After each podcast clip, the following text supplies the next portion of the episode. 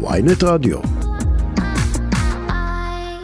אנחנו פותחים עם חבר הכנסת זאב אלקין, יושב ראש אה, סיעת המחנה הממלכתי. שלום, בוקר טוב.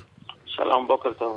טוב, אני רוצה לפתוח איתך דווקא במה שתיארתי אה, בפתיח, אה, דיון די דרמטי. לדעתי, אם הייתי שואלת אותך שלוש שנים קודם, מה עמדתך על דיון מהסוג הזה, לא היית אוהב את זה. קודם כל היו דיונים מהסוג הזה, זה לא חדש. אני בזמנו, כשהייתי בין המחוקקים של חוק הלאום, בית משפט העליון קיים דיון על חוק היסוד הזה. כשבית משפט העליון מקיים דיון רציני על משהו, אז זה ברור שהוא לוקח בחשבון גם אופציה שתהיה פסילה, אחרת אין על מה לקיים דיון. אני אזכיר לך דוגמה אחרת. כל מיני תיקונים כהוראת שעה בחוקי יסוד שקשורים להעברת התקציב ומועד העברת התקציב. בית משפט העליון אפילו פעם אחת נתן לכנסת כרטיס צהוב, אמר אם אתם תמשיכו לחוקק את זה ככה, ולהזיז תאריכים איך שבא לכם, כן, את זוכרת את mm-hmm. פשרת הנדל האוזר בזמנו, באופן חופשי לתקן חוקי יסוד ברמה כזאת, אנחנו בסוף נתערב ונפסול את זה. כן, זה לא, לכן... ברור שהדיון עצמו הוא לא תקדים, אבל אה, אולי מה שתקדימי כאן, אה, לדעתי, ותגיד לי אתה, זה אולי שינוי הגישה שלך בעניין הזה. לא, אז גם שם אני לא תקפתי את בית משפט העליון mm-hmm. על הדבר הזה. אני אגיד לך, אני אגיד לך מה, מה הסוגיה פה. בעולם תקין נורמלי, חוקי יסוד יכולים להיות מוגנים מהתערבות שיפוטית. אבל מה זה דורש? זה דורש שימוש בחוקי יסוד כחוקי יסוד באמת, וחוק יסוד חקיקה שידרוש להעביר אותם בקונצנזוס רחב. Uh, באמת מעין חוקה כזאת. כן? Mm-hmm. מה שקורה אצלנו זה לא ככה, ואצלנו כדי לאשר חוק יסוד מספיק רוב רגיל אפילו, לא תמיד נדרש 61, בטח מספיק רוב קואליציוני של 61. והדבר השני שלצערי התפתח בקואליציה הזאת, וזו מגמה בעיניי מאוד מאוד מסוכנת, זה גם זילות של עצם המושג חוק יסוד. כל דבר שקואליציה רוצה להעביר, בגלל שהיא לא רוצה שבג"ץ יתערב, אז היא קוראת לזה חוק יסוד. אני אביא לך דוגמה אפילו של משהו שעולה לדיון עכשיו. חוק הנבצרות. הרי הדרך הנורמלית של חקיקה בנושא הזה, מושג נבצרות הופיע mm-hmm. כבר בחוק יסוד הממשלה. תמיד כשיש דבר כזה ורוצים לפרט נניח כללים של הנבצרות, מה עושים? אומרים, הפרטים ייקבעו בחקיקה רגילה בכנסת. ואז מעבירים חוק רגיל. לא עשו את זה פה, אלא הלכו על חוק יסוד סופר מפורט, כן, שנכנס mm. ממש לדקויות, שזה לא עושים את זה בחוקי יסוד, וקראו להכל חוק יסוד למה? בגלל הפחד בדיוק מהתערבות. עכשיו, כשקוראים את החוק, רואים שהוא חוק הזוי. אני אמרתי את זה... לא, למה הוא הזוי? בואו נדבר רגע על הבעיות בחוק הנבצרות ועל השינויים. בגדול, אה, רק אני, נגיד... אני, אני, אני מביא לך דוגמה למה כן. הוא הזוי.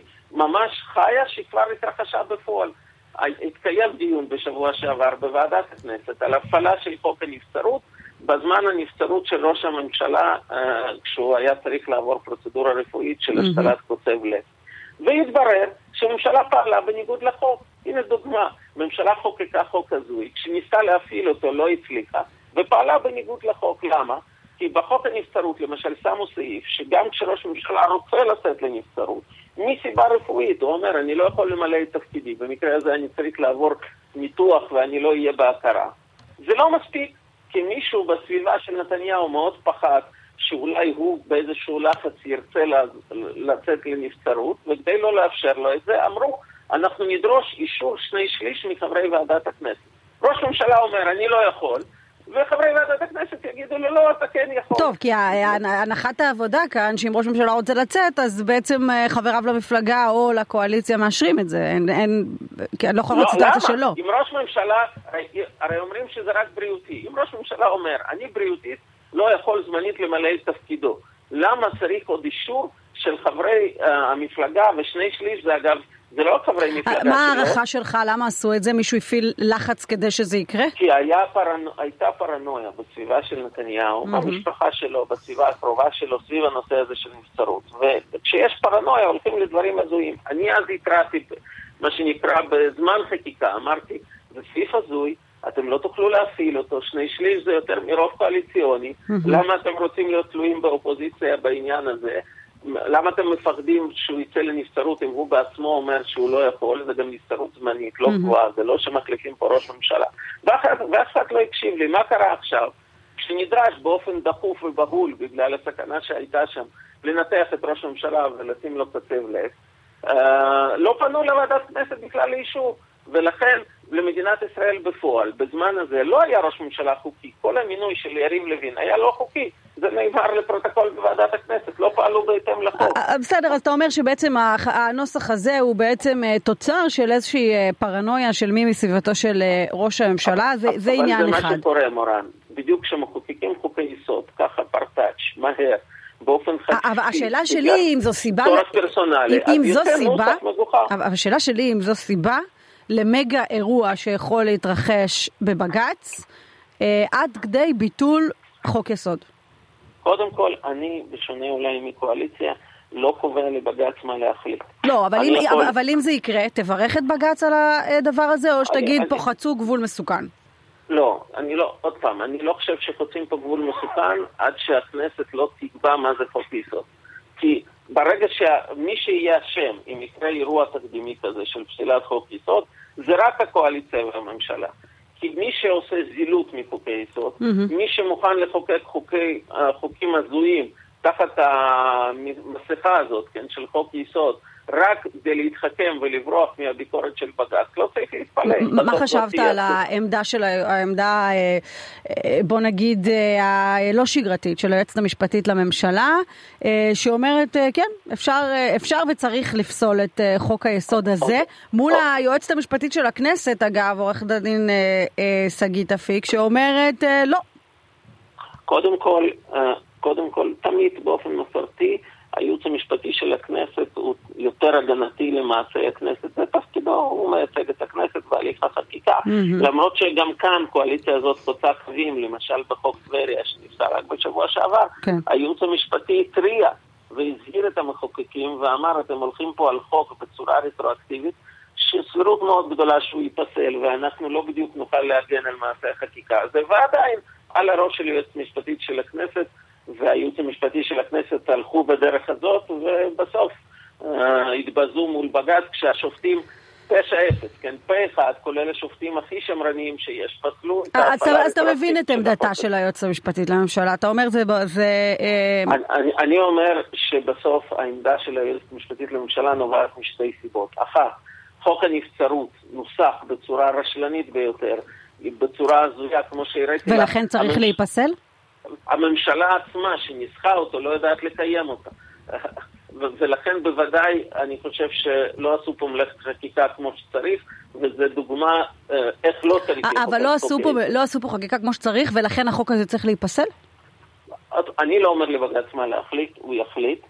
אני חושב שהחוק הוא רע, כמו שאמרתי, mm-hmm. לא מעשי בהפעלה. הממשלה שחוקקה אותו במבחן הראשון לא ידעה להפעיל אותו, mm-hmm. ולא מצליחה, כי עכשיו מה קורה? הם באו אלינו, אני הבהרתי להם את זה, אמרתי, אנחנו לא נצביע כאופוזיציה בעד, ועוד רטרואקטיבית, כן, אחרי שכל זה קרה. אז אמרו לי, אז המינוי של יריב לוין יהיה לא חוקי בדיעבד. אמרתי, איך שיהיה, זה בעיה שלנו.